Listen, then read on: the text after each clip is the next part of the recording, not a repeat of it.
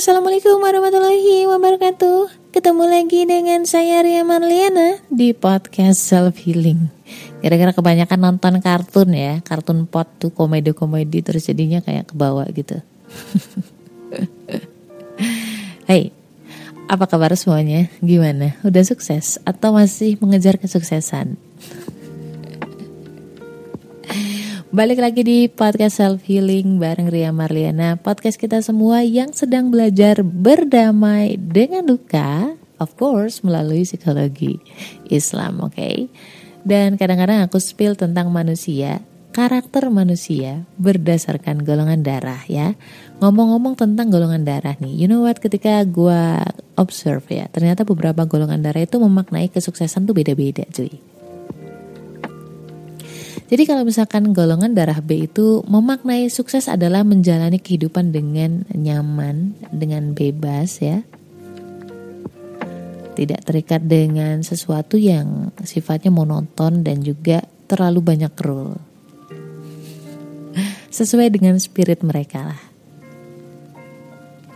Sedangkan golongan darah A adalah dia yang merasa sukses ketika bisa mencapai suatu titik prestasi ya let's say pekerjaan impian atau misalkan um, apa ya kuliah impian. Yang menurut mereka memang idealnya mereka gitu impian mereka dari kecil. Sedangkan golongan darah O mungkin akan beda lagi. Dia lebih cenderung ke masalah status sosial di masyarakat dan merasa bahwa dia itu apa ya dibutuhkan gitu Kalau AB lebih cenderung dia merasa sukses ketika dia bisa dipercaya oleh superiornya mereka, ya. Jadi misalkan kayak ada uh, lo misalkan AB lu punya atasan gitu atau misalkan punya orang tua dan lu bisa menuruti atau mematuhi perintah mereka gitu loh, memenuhi standarnya mereka. Oke. Okay? Nah, gue gak akan ngomongin tentang kesuksesan lagi lebih detail. Justru gue akan ngomongin dari sisi sebaliknya. Kita terbiasa untuk mengejar kesuksesan. Tapi di Indonesia, percayalah bahwa kita jarang banget disiapkan untuk menerima kekalahan ya. Kekalahan, kegagalan, hal-hal yang tidak sesuai dengan rencana kita. Itu PR besar untuk aksep ya. Dan banyak orang merasa depres, depresi karena salah satunya itu karena itu. Ya. Dan ini bagaimana cara berdamai dengan kegagalan? I'll be back soon insya Allah, oke? Okay? Gue bilang tadi bahwa jiwanya golongan darah B itu kan lebih jiwa bebas ya. Mereka mungkin gak suka terikat dengan waktu 9 until 5 atau 8 until 4. Jadi gak suka kerjaan yang terikat apa ya kantornya tertentu, jam masuknya tertentu. Kalau bisa itu suka-suka ya. Tapi jarang cuy di Indonesia ya tetap mentok di flexible time lah. Kalau misalkan lu terlambat berarti lu uh, apa extend waktu setengah jam.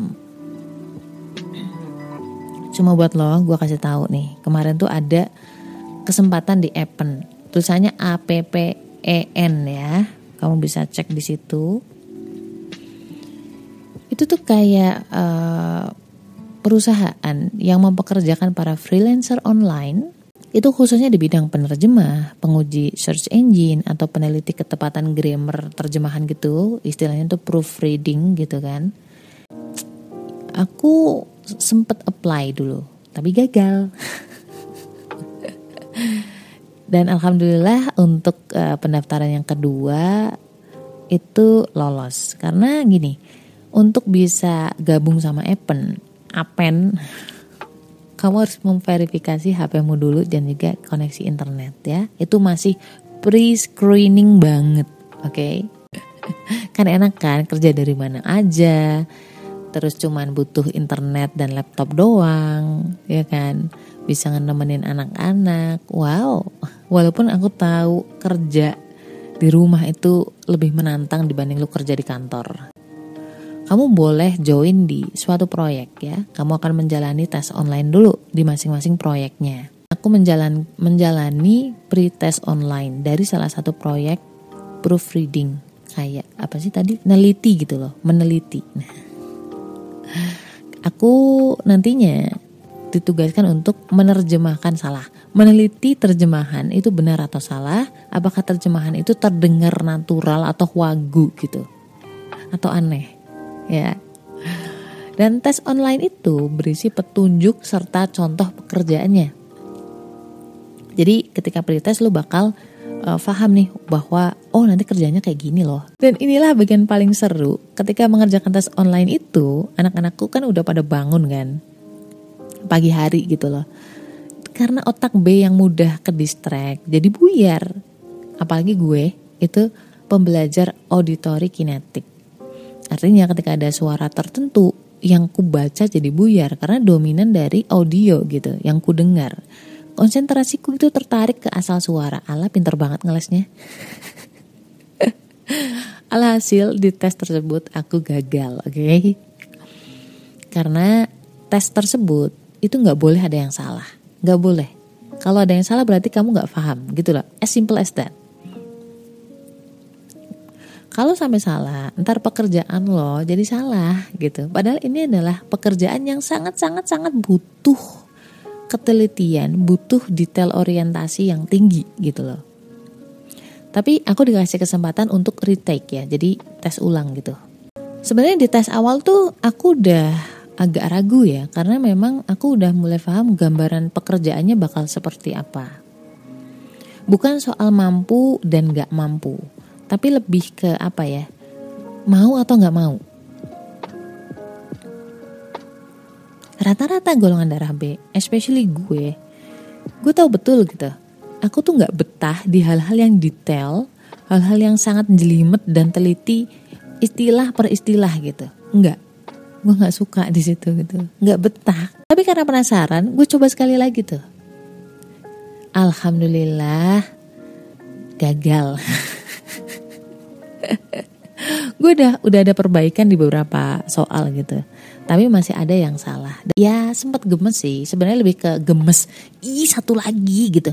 Lebih penasaran karena aku biasa kayak ada soal gitu terus ah oh, gue tahu nih gue tahu nih jawabannya gitu.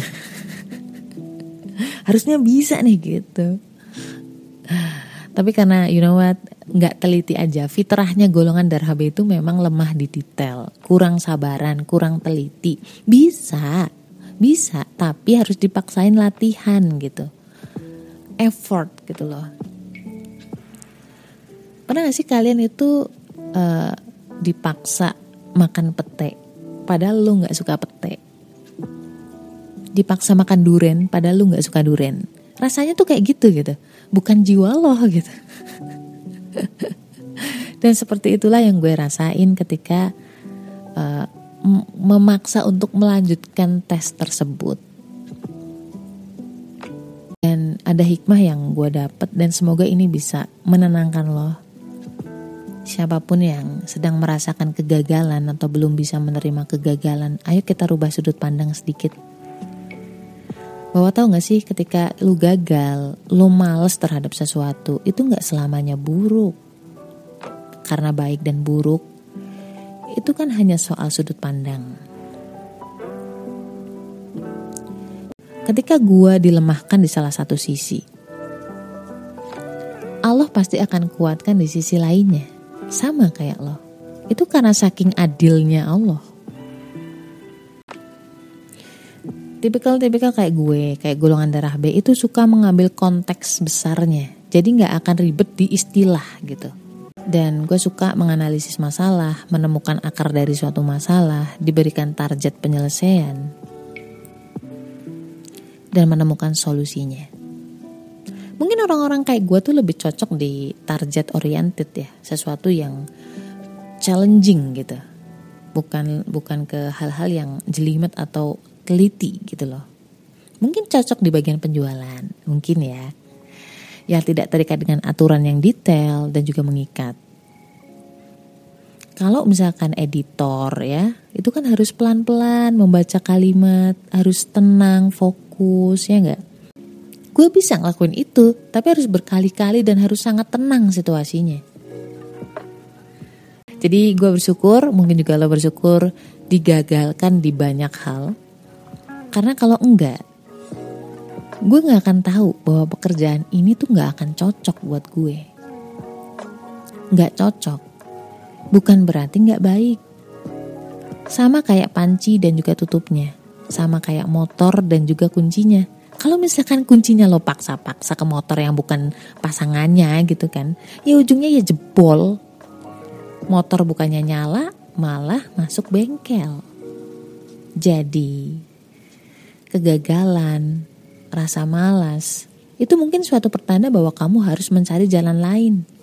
Atau berhenti sejenak buat merenung, menjawab pertanyaan, apakah ini benar-benar yang gue inginkan? Gak usah khawatir tentang apa kata orang, gak usah khawatir tentang rezeki karena rezeki udah pasti Allah atur mau lu jungkir balik salto seribu kali dengan bener pun akan selalu ada juga yang komen nyinyir. Ingat bahwa Allah dan mereka itu beda. Setiap orang itu unik punya personalitinya masing-masing, punya kelebihan dan kekurangannya masing-masing. Lo gak harus jadi mereka dan mereka dan mereka juga belum tentu bisa jadi lo. Abu Bakar dan Umar aja itu kepribadiannya berbeda. Rasul gak pernah berusaha mengubah kepribadian fitrahnya mereka agar seperti beliau. Beliau hanya mengarahkan mau jadi seperti apa pun loh, ya.